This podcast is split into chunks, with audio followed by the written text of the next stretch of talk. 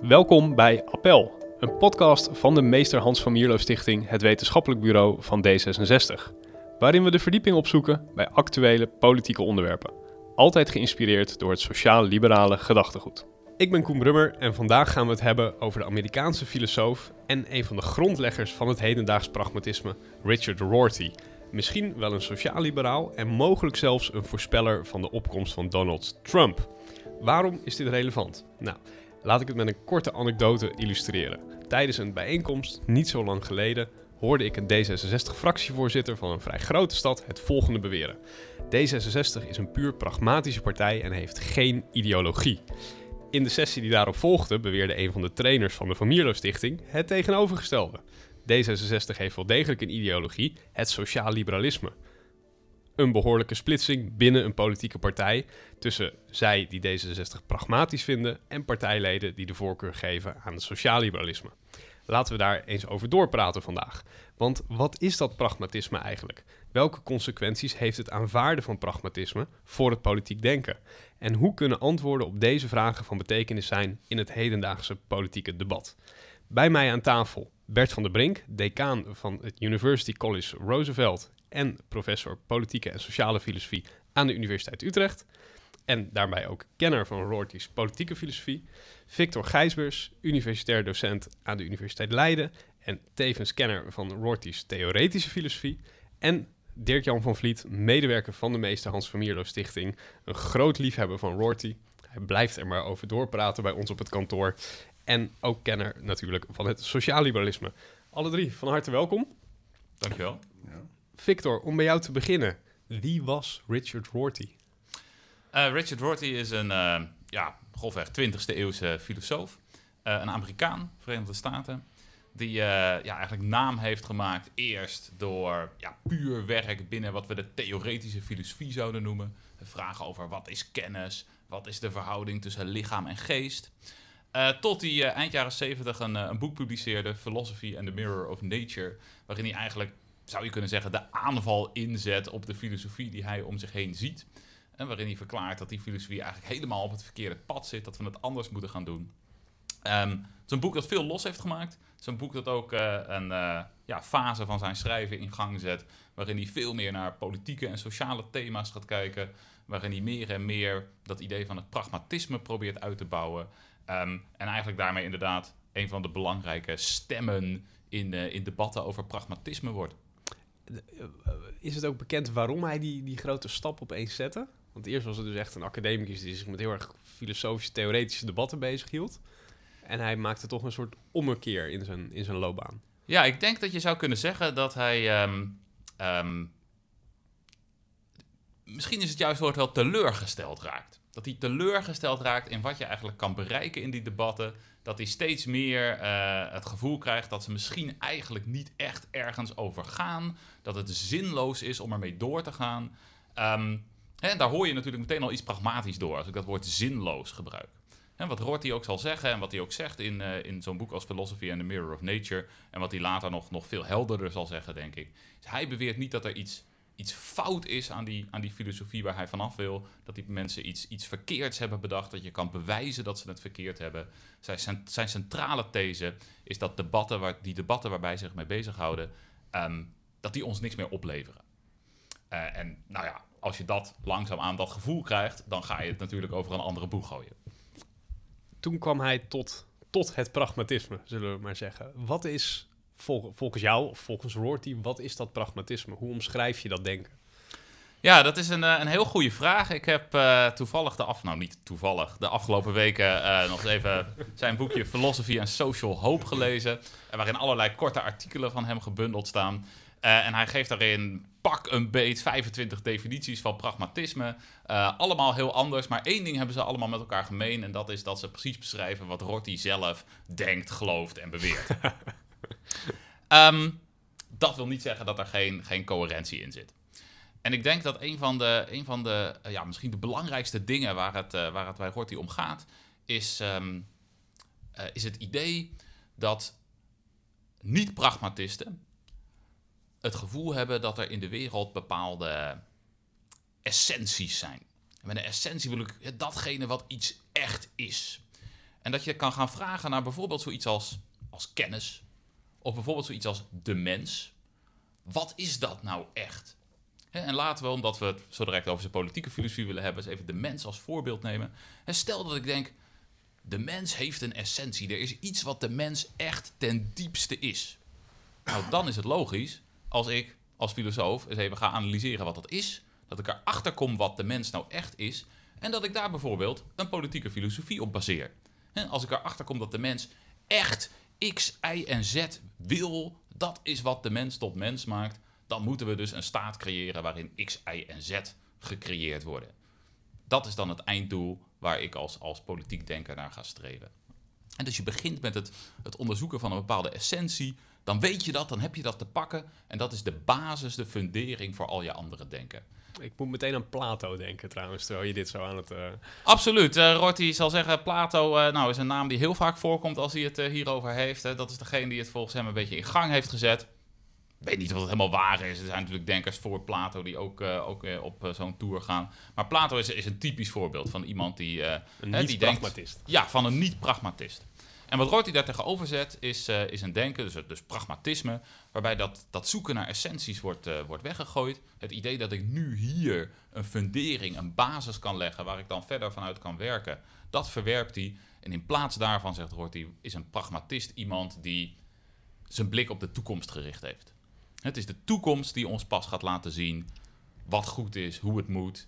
Ehm, op totaal onverwachte manieren die wij nu nog helemaal niet kunnen bevroeden misschien. Ehm, daar gaat het gebeuren. Dus voor hem is pragmatisme een toekomstgerichte filosofie van, van hoop, van, van verandering. En gericht tegen het idee dat je eens en voor altijd kan vaststellen hoe het zit. Hoi, Zou- helder. Ja, ik ook Bert. zeggen? Ehm, daarbij is heel belangrijk dat we volgens Rorty niet moeten zoeken inderdaad naar die essenties in de wereld om antwoorden te vinden op eh, wat de toekomst eh, zou moeten brengen. Ehm, maar dat dat helemaal radicaal aan ons is. Dat wij die wereld moeten scheppen.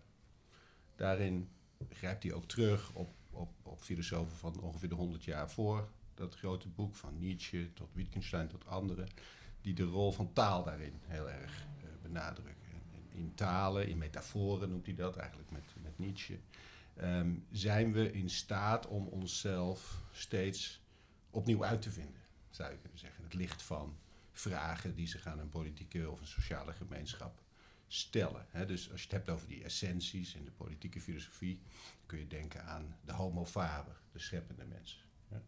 Eh, maar je kunt ook denken aan de homo politicus, ja, Aristoteles, de mens is hè, een politiek of een sociaal eh, dier. En ehm, eh, dat soort beelden bestaan heel veel in de filosofie. Zoals Victor zegt, dat wordt essentialistisch. En voor Rorty zijn dat, dat zijn metaforen, dat zijn uitdrukkingen van wat mensen kunnen. Maar die uitdrukkingen zijn nooit uitputtend. En ze kunnen heel veel positiefs brengen, maar ze kunnen ons ook in een tunnelvisie brengen. En eh, het is dus belangrijk om open te blijven. En in dat open blijven ben je pragmatisch. In je omgang met de wereld. We scheppen die wereld zelf niet. Die bestaat wel degelijk. Maar wij zijn de enigen die ons er als mens toe kunnen verhouden. En dat doen we heel actief. En dat doen we flexibel en pragmatisch. En dat is eigenlijk zijn pragmatisme. Mooi. En in, dus misschien wel zijn bekendste werk, hè, Contingency, Irony en, en Solidarity. Daarin zit dus ook al een, een hele sterke politieke component. t- Waar hij dus toe is gekomen na zijn afscheid uit die eh, Ja. eh, meer analytische filosofie. En aan het begin zei ik misschien ook om wat te prikkelen hoor, van misschien wel een sociaal-liberaal. Deze, deze grondhouding die je nu schetst, hè, van, van een soort openheid naar de toekomst en pragmatisme. Waar plaats je Rorty daarmee in het politieke spectrum? Ik bedoel, maakt hem dat een, eh, een, vrij, een vrij liberaal gezind persoon? Of een, de- hoe, hoe, moet je hem, hoe moet je hem karakteriseren? Nou, ik, ik denk in ieder geval wel inderdaad liberaal.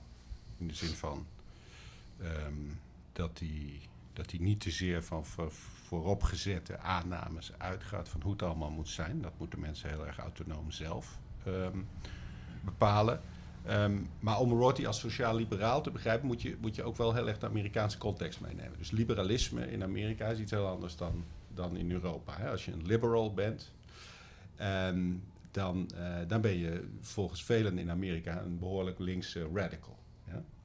En uh, Rorty houdt ook van revolutionaries en poets uh, in, in politics, zoals hij dat noemt. Mensen die durven nieuwe vocabulaires te scheppen. Hè? Uh, wat er nu gebeurt, zowel aan de Trump-kant trouwens als aan de democratische kant, zou Rorty in ieder geval enorm interessant vinden. Omdat daar precies gebeurt wat hij zegt dat politiek voor een flink deel is. Mensen scheppen vocabulaires om om te gaan met de wereld. Hè? En Rorty zou voor het liberale vocabulaire staan niet voor het antiliberale vocabulaire. Um, en dat liberale vocabulaire bij hem is dus behoorlijk links. Dat betekent eigenlijk, als je het in Europese termen zou willen zeggen, denk ik dat als je het gewoon naar politieke handwerk kijkt, is het eigenlijk behoorlijk, denk ik, sociaal-democratisch wat hij voorstelt. Je moet een ondersteunende staat hebben die tegen vreedheid is, die tegen uitbuiting is, die mensen beschermt. Uh, die gelijkheid niet alleen bepleit, maar ook mogelijk maakt. Dus, dus een, een ondersteunende staat. Um, dat is zeker uh, waar hij voor uh, staat. En um, ja, als je, als je verder gaat kijken naar zijn politieke uh, filosofie, um, dan is hij eigenlijk behoorlijk middle of the road, zou je kunnen zeggen, political liberal. He, je hebt de grote filosoof Rawls. die volgt hij eigenlijk, maar interpreteert hij weer op een andere manier dan Rawls zelf dat doet. als politiek filosoof is hij eigenlijk vooral interessant als je gaat kijken naar dat verhaal van het scheppen van voedende en inspirerende metaforen. Als je gaat kijken naar het filosofische handwerk van rechtvaardigheidstheorie en democratietheorie en al dat soort dingen, daar heeft hij eigenlijk niet zoveel bijdrage. Maar het idee van dat we, dat we kunnen scheppen, dat we onze taal moeten analyseren, dat we door onze taal bestaande werelden kunnen maken en breken, eigenlijk een vrij poëtische ook veel op literatuur gerichte benadering van de filosofie. Dat karakteriseert hem eigenlijk. Um, ja, of hij echt een politiek filosoof is, daar zouden we een aparte blog over kunnen. Ja, ja, ja.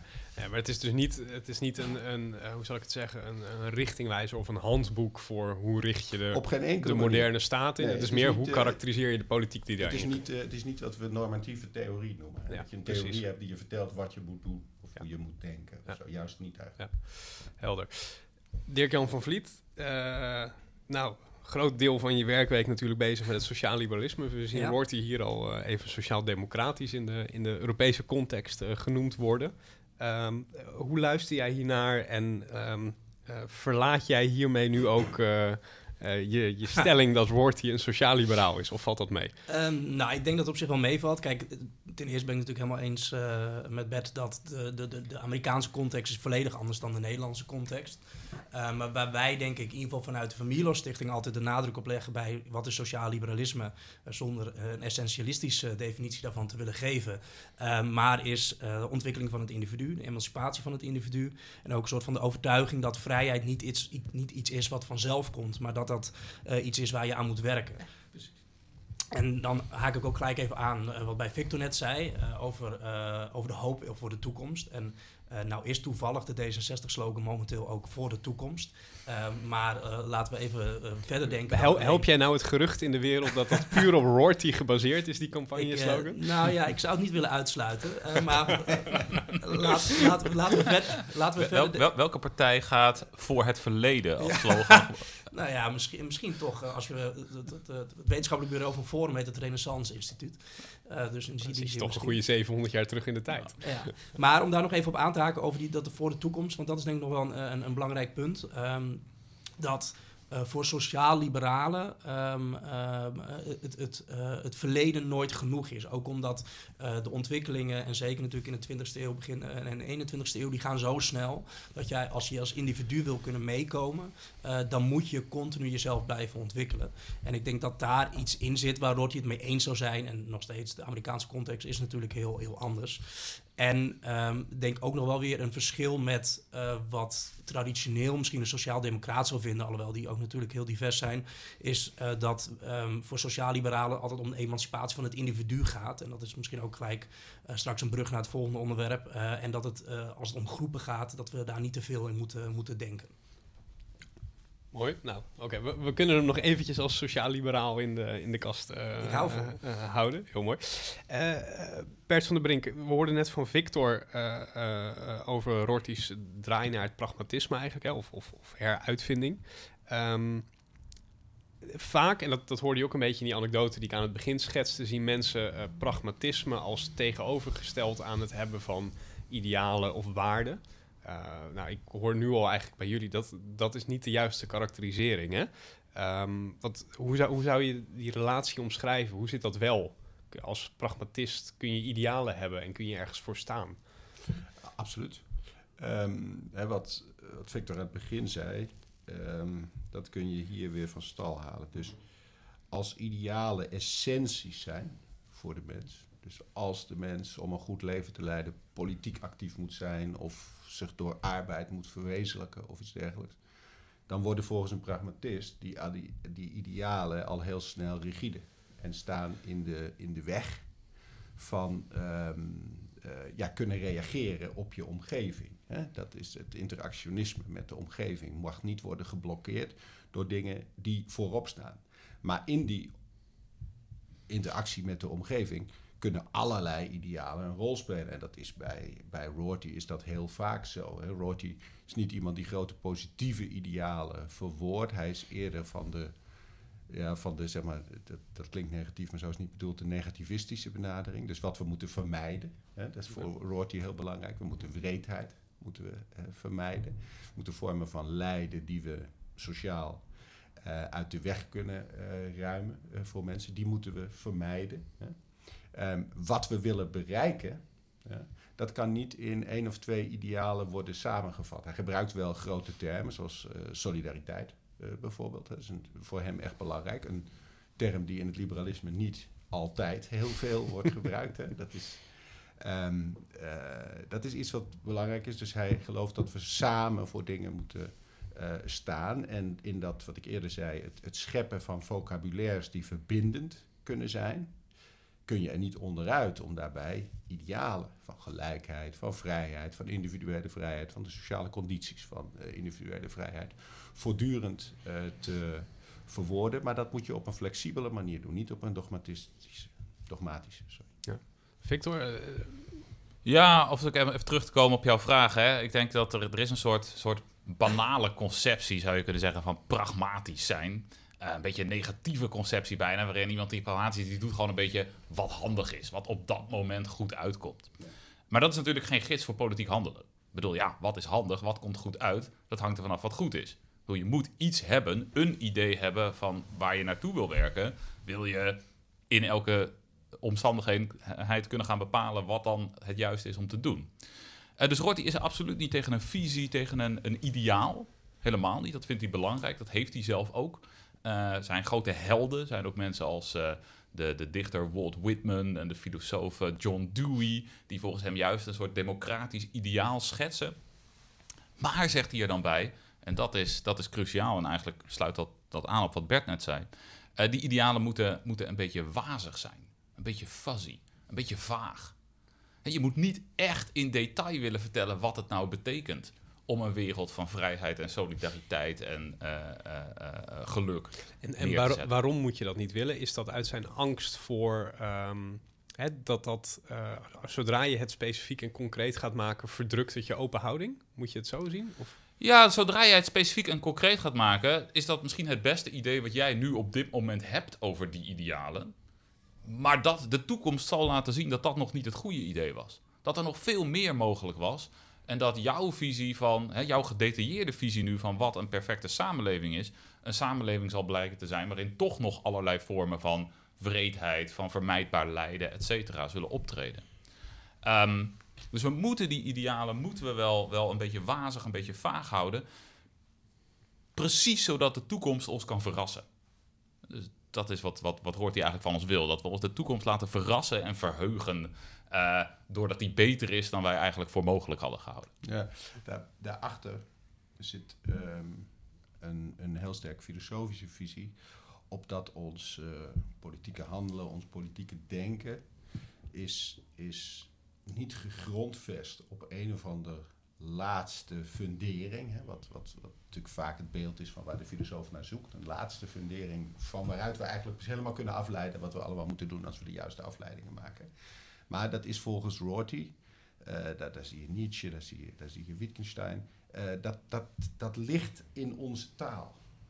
In onze taal vinden we ideeën van hoe de wereld is geordend, welke idealen daarin een rol spelen. Ehm, maar die taal, waarin ik om allerlei contingente redenen ben opgegroeid, kan een andere zijn dan die van jou. Als ik dan maar blijf zeggen dat het fundament, wat volgens mijn taalspel het juiste fundament is, het juiste fundament is, dan kan ik met jou helemaal geen gesprek voeren. Nee. Dus voor hem is, is emancipatie is ook een, een kwestie van leren begrijpen dat je in zo'n taalspel ook vast kunt zitten. Dat je, dat, je, dat je daar soms ook uit moet kunnen stappen. En dat kan alleen maar door te begrijpen dat anderen daar ook in zitten. En dat die misschien met andere idealen en uitgangspunten en andere balken in hun ogen werken uh, als jij. Um, uh, en, en, dat is voor hem eigenlijk wat hij op gang wil brengen, politiek en sociaal. Die, die vorm van uitwisseling. Dat klinkt, ja, fuzzy is eigenlijk een goed... Uh, het is ook heel fuzzy en uh, poëtisch, maar dat is misschien ook wel waarom het leuk is. Ja. Als je dit, uh, voordat we naar Rorty en, en, en hedendaagse politiek gaan, als je dit hoort, Dirk Jan, en we gaan even terug naar die D66ers aan het, aan het begin, hè? Um, heb jij nu ook een, een beter beeld, of misschien een, een, een het beeld dat je had is alleen maar verstevigd hierdoor om... Um, zal ik het zeggen, om hen duidelijk te maken dat je pragmatisch kan zijn en een ideologie kan hebben? Um, ja, ik denk dat mijn, mijn beeld wat ik daar al van had hier nog, nog extra door bevestigd is. En, maar tegelijkertijd snap ik natuurlijk het dilemma ook wel. bedoel, die, uitspraak was van een, een, een lokale politicus. En lokale politiek is uh, kan je in zekere zin soms natuurlijk heel pragmatisch noemen. Want hoe sociaal-liberaal is een loszittende stoeptegel? Um, en uh, ik, het is natuurlijk heel uh, makkelijk om te denken dat, uh, als, zeker als lokale politicus, om bij je politieke handel of de politieke besluiten hier te nemen, dat je niet meer doorhebt welk, welk waardesysteem daar nou eigenlijk achter zit.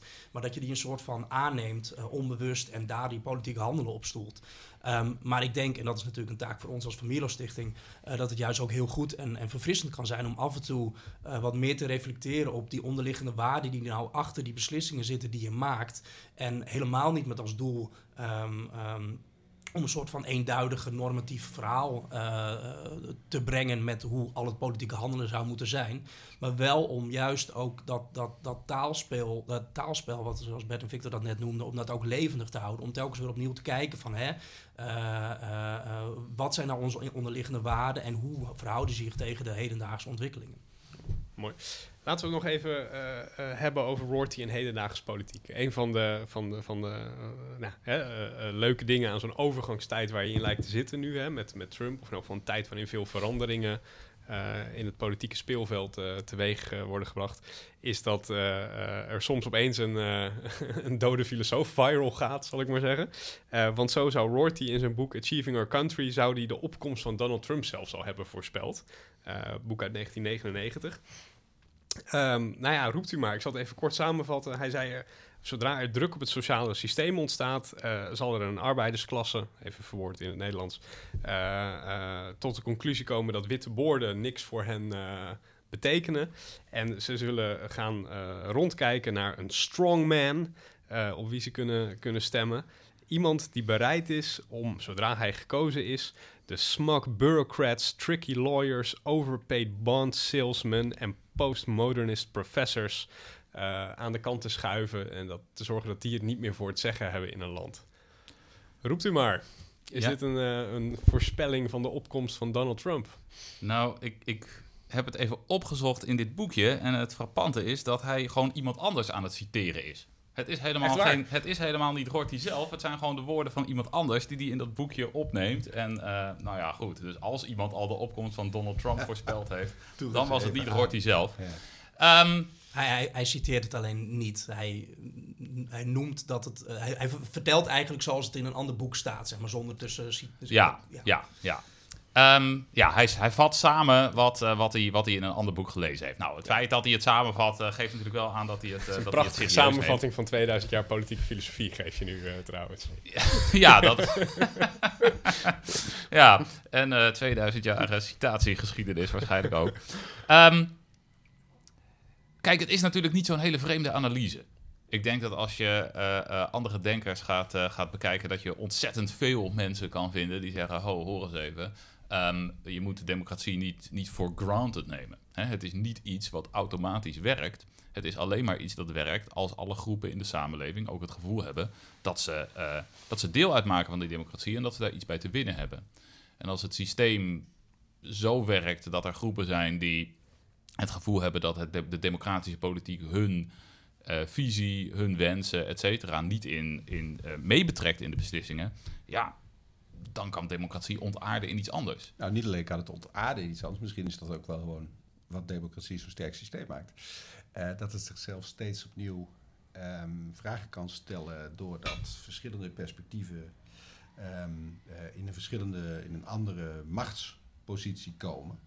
Um, en daardoor uh, nieuwe kritische vragen stellen. Dus, maar, maar dit is, ja, of het nou een citaat is of niet, um, hij heeft het uh, opgepikt bij iemand anders als iets wat, uh, wat relevant leek op dat moment. En daar had hij in ieder geval gelijk in. Hè? Maar dat had je aan het einde van de jaren negentig wel meer. Ik bedoel, veel van wat daar staat kun je ook in het werk van Fortuyn vinden trouwens. Hè? Die zegt ook zulke dingen en ziet zichzelf ook als potentiële strongman, dat ook gelukt is daarna. Verwees de samenleving. Um, uh, in ieder geval in de, in de opkomst. Um, dus dat was iets wat in de lucht hing. En dat is eigenlijk een hele goede analyse van het, ja, van het failliet van een bepaalde tijd die eigenlijk afgesloten werd van van nationale democratieën die goed voor alle burgers konden zorgen. Dat ging niet meer. Hè. Door de globalisering en door de verandering in, uh, ook, ook in de hele wereld, in uh, uh, machtsrelaties, kwamen mensen die vroeger eigenlijk heel goed gerepresenteerd werden in die politieke systemen, die kwamen in de kou te staan, financieel en, en sociaal. En daar hebben toen veel sociologen en filosofen over geschreven en, en, politici. En hij heeft dat opgepikt. Hij heeft niet Trump uh, voorspeld, maar hij heeft, uh, hij heeft een nieuwe vorm van democratische politiek, populisme, heeft hij voorspeld. Tenminste heeft hij voorspeld, heeft hij voelen aankomen. Ja. Maar daar was hij niet zo uniek in als het kennelijk viral gaan. Precies. Twitter heeft niet ja. altijd gelijk, zeg maar. Nee, um, ik denk dat we zelfs wel het tegenovergestelde als waarheid kunnen poneren. Ja. Andere ja.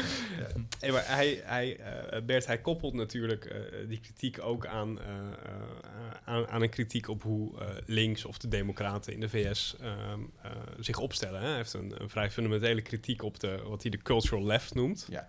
Um, hun neiging tot identiteitspolitiek. Um, hoe, hoe moeten we dat zien? Nou, ik denk dat, dat Rorty daar opnieuw een van de mensen was die zag hoe een bepaald vocabulaire op zijn grenzen was gestoten. Ik kan me dat zelf nog heel goed herinneren. Ik was toen een vrij jonge filosoof uh, in die tijd die uh, zijn dissertatie zo'n beetje aan het afronden was. En um, in de jaren 70 en de eerste helft van de jaren 80 hield de politieke filosofie en ook de politiek, jaren 60 en 70 um, en 80, uh, zich heel veel bezig met de economie en ja, de sociaal-economische basis van die economie. En dat basis bedoel ik niet per se marxistisch als ik dat, uh, als ik dat zeg.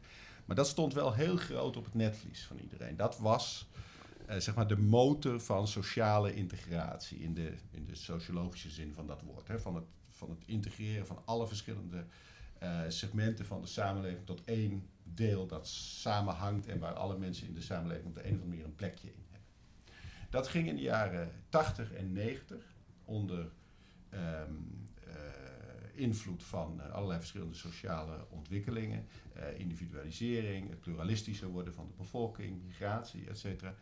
Um, verschoof dat accent heel erg naar de vraag hoe verschillende identiteiten in die sociale integratie van de samenleving een rol spelen. En dat is op een gegeven moment de boel compleet gaan overnemen. Dat is echt waar. In de jaren, in de jaren vanaf ja, half jaren 80 tot ik denk ongeveer 2005 was politieke filosofie voor een heel groot deel bezig met die vragen van cultuur en identiteit. En ook theorieën van rechtvaardigheid gingen eigenlijk vooral daarover. Uh, veel sociologen vertelden in die tijd ook altijd al: uh, pas op, je vergeet iets heel belangrijks. Uh, mensen moeten inkomen hebben respect wordt geïntegreerd. Niet alleen voor hoe je wordt gereageerd op je huidskleur of je genderidentiteit. Maar wat jouw feitelijke rol is in ja. de samenleving. En uh, dat zag Rorty heel scherp. En uh, dat heeft hij ook tot, tot, tot in zijn laatste werk heeft hij dat steeds uh, benadrukt. En ik denk dat hij daar ronduit gelijk in heeft. Vandaar heeft mijn vakgebied, de politieke filosofie, denk ik echt een, een fout gemaakt. Door helemaal die kant op te gaan. Dat alles overheerste dat.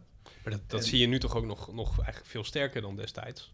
Nou, de, het vakgebied niet meer. Het vakgebied is behoorlijk terug naar ook uh, sociaal-economische vraagstukken. En, um, uh, maar in maatschappelijk debat is het nog steeds heel pro of eigenlijk in het prominenter debat is dat, zou je kunnen zeggen, totaal uit de hand gelopen. En is dat ehm, zo dat het in, in Nederland eigenlijk nu dat we nu in Nederland ongeveer in dezelfde situatie zitten als in Amerika in de jaren 90? Of, of is dat gewoon ook in Amerika nog steeds net zo aan de hand? Nou, ja, dat weet ik niet. Dat is een te grote vraag voor mij om te beantwoorden. maar um, uh, wat je in Nederland in ieder geval ziet, is dat, ik denk in het hele politieke spectrum, die vragen van identiteit, we weten nog steeds niet zo goed hoe we daarover moeten praten. En hoe meer je daarna gaat wijzen en hoe meer je gaat zeggen dat we daar een antwoord op moeten vinden, hoe groter het probleem wordt, lijkt het wel. Hè? Dus uiteindelijk is het wel belangrijk dat je een baan hebt en dat je goede scholing hebt en dat je um, uh, in de samenleving, um, uh, ja, ook in de, de civiele zin, uh, geïntegreerd raakt. En um, dat vind ik opmerkelijk in, in onze samenleving. Dat op straat gebeurt dat volgens mij in 9 van de 10 gevallen heel vaak heel erg goed. Maar zodra we de politiek over gaan praten, wordt het een enorme tunnelvisie op een paar kleine dingetjes. En loopt het heel snel vast met elkaar. Wat wel interessant is, toen ik hierheen liep, dacht ik daaraan. Um, daar speelt D66, wat in ieder geval noodzakelijk mijn uh, politieke partij is, uh, wel een interessante rol in, in het, wat we aan het begin van het gesprek noemden, dat creëren van vocabulaires. dat is, jullie partij heeft uh, meermaals de laatste jaren in reactie op Wilders en de laatste tijd meer in reactie op Forum, vrij bewust geprobeerd om, om, om te laten zien wat termen doen en hoe je anders zou kunnen spreken, et cetera. Um, dat is interessant. Dat doet, dat doet Partij voor de Dieren op een heel ander vlak doet dat ook. Hè. Dat, um, uh, dat is wat, wat, je, wat je ziet gebeuren. En als we het nou hebben over wat vandaag de dag een goed uh, vocabulaire zou zijn, dan moet dat volgens mij een vocabulaire zijn waarin die sociaal-economische vraagstukken en vragen van politieke representatie, ook dat, en, en, en of dat systeem failliet is, of, of dat we dat kunnen repareren, of dat we een nieuw systeem nodig hebben, dat zijn de belangrijke vragen. Maar blijven krabben aan die identiteit maakt dingen alleen maar elders slechter. Uh, Rorty vindt dat we dat als het enigszins kan moeten privatiseren. Dat is heel interessant. Hè? Veel mensen van die cultural left vinden dat dat precies de fout is. Ja? Wil jij onzichtbaar maken dat ik die en die genderidentiteit heb? Nou, Rorty zou zeggen, weet je, als ik met jou op dat vlak geen probleem heb, ik, ik zou niet Zoek weten waarom uit. het mij zou moeten interesseren. ja. En um, dat, dat vervuilt het politieke. Um, en uh, zoek het lekker uh, zelf uit. En als het een politiek probleem wordt, ja, dan hoort het tot het politieke vocabulaire. Maar doe niet alsof het de basis van is of de essentie. Ja. Dirk Jan, je ziet nu in het, in het Nederlands debat en, en ook binnen D66 hè, wordt identiteitspolitiek steeds meer een, um, een ding, zal ik maar zeggen. Um, in de politieke filosofie, zegt, zegt Bert terecht, is het, uh, is het over het hoogtepunt heen. Hoe kijk jij daarna en hoe zou je uh, hoe kijk je naar de kritiek van Rorty op die identiteitspolitiek met in je achterhoofd het, het, het sociaal liberalisme? Ja, ik vind het moeilijk om me nog wat toe te voegen aan Bets zeer uitgebreide analyse op dit, op dit punt. Um, maar um, uh, kijk, specifiek, specifiek natuurlijk vanuit het sociaal liberalisme is, uh, en wat ik ook al eerder noemde, is natuurlijk waar wij in ieder geval als familiestichting heel erg een nadruk op willen leggen, is de, uh, de ontwikkeling en emancipatie van het individu. En dat betekent wel dat wellicht het voor de politiek goed kan zijn om mensen in staat te stellen om hè, vanuit privé te kunnen zijn wie je bent. Of dat noemen we dan ook wel zichtbaar jezelf kunnen zijn. Um, maar dat dat verder politiek ge verder geen relevante factor zou moeten zijn. Maar dat laatste betekent dus niet dat je als politiek geen, uh, uh, geen rol hebt om ervoor te zorgen dat mensen in hun privésituatie zichzelf kunnen zijn. Um, en ik denk dat we daar als, als sociaal-liberalen wel een taak in hebben. Zeker. Ja, Victor? Er is een, uh, uh, denk ik een aardig voorbeeld van dit debat over privaat-publiek, uh, wat Rorty vrij uitgebreid bespreekt in, in Philosophy and Social Hope, is um, het thema van religie. En hij zegt, ja, eigenlijk is onze democratie, en ik denk natuurlijk in eerste instantie aan de Verenigde Staten, is, is gebaseerd op een soort compromis waarbij we gezegd hebben, joh, iedereen mag de religie hebben die hij wil, maar dan wel privé.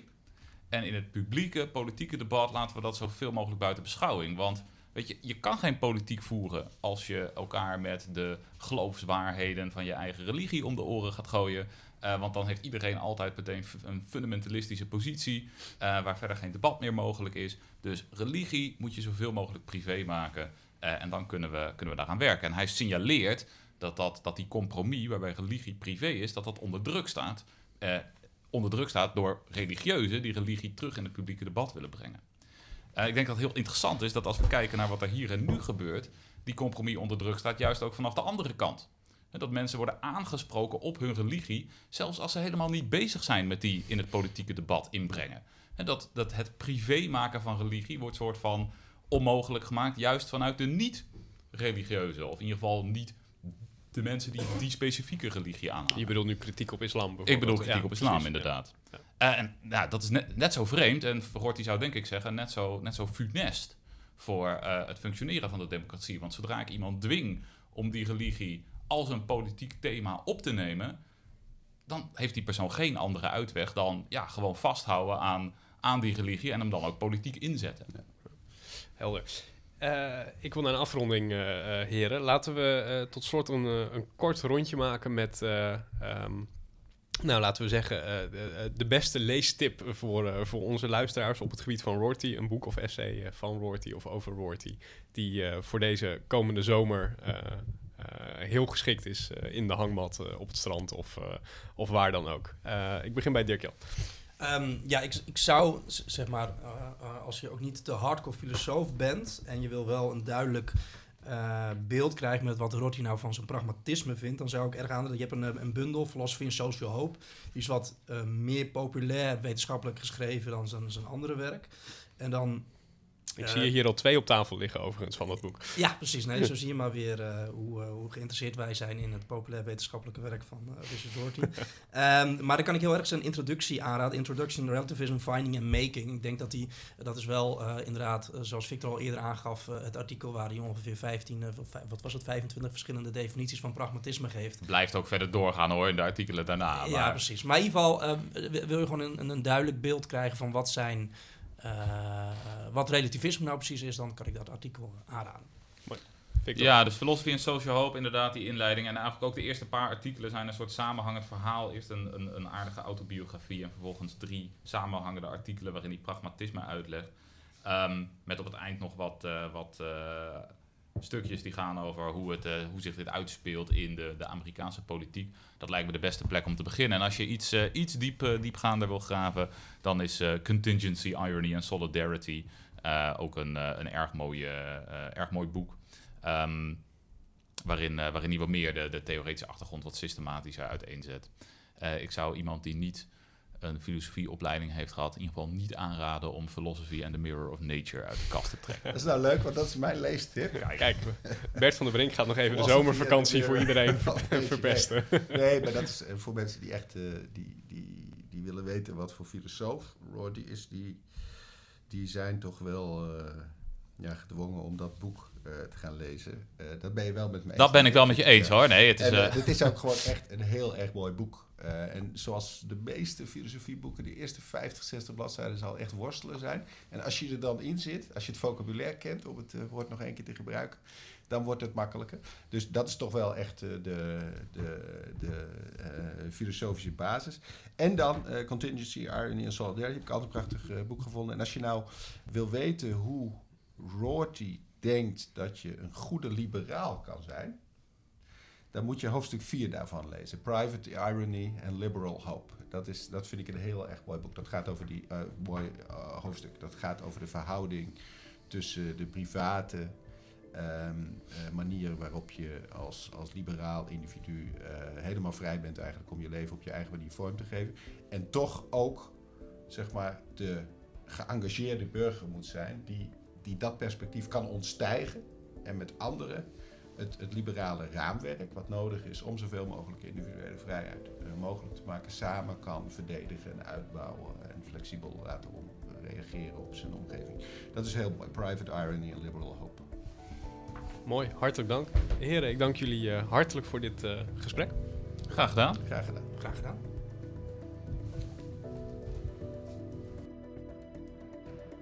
En daarmee zijn we aan het eind gekomen van deze aflevering van Appel. Bedankt voor het luisteren. Heb je vragen, opmerkingen of wil je gewoon graag met ons in contact komen? Ga dan naar onze website van mierlostichting.nl, stuur een mail of gewoon een berichtje via Facebook of Twitter.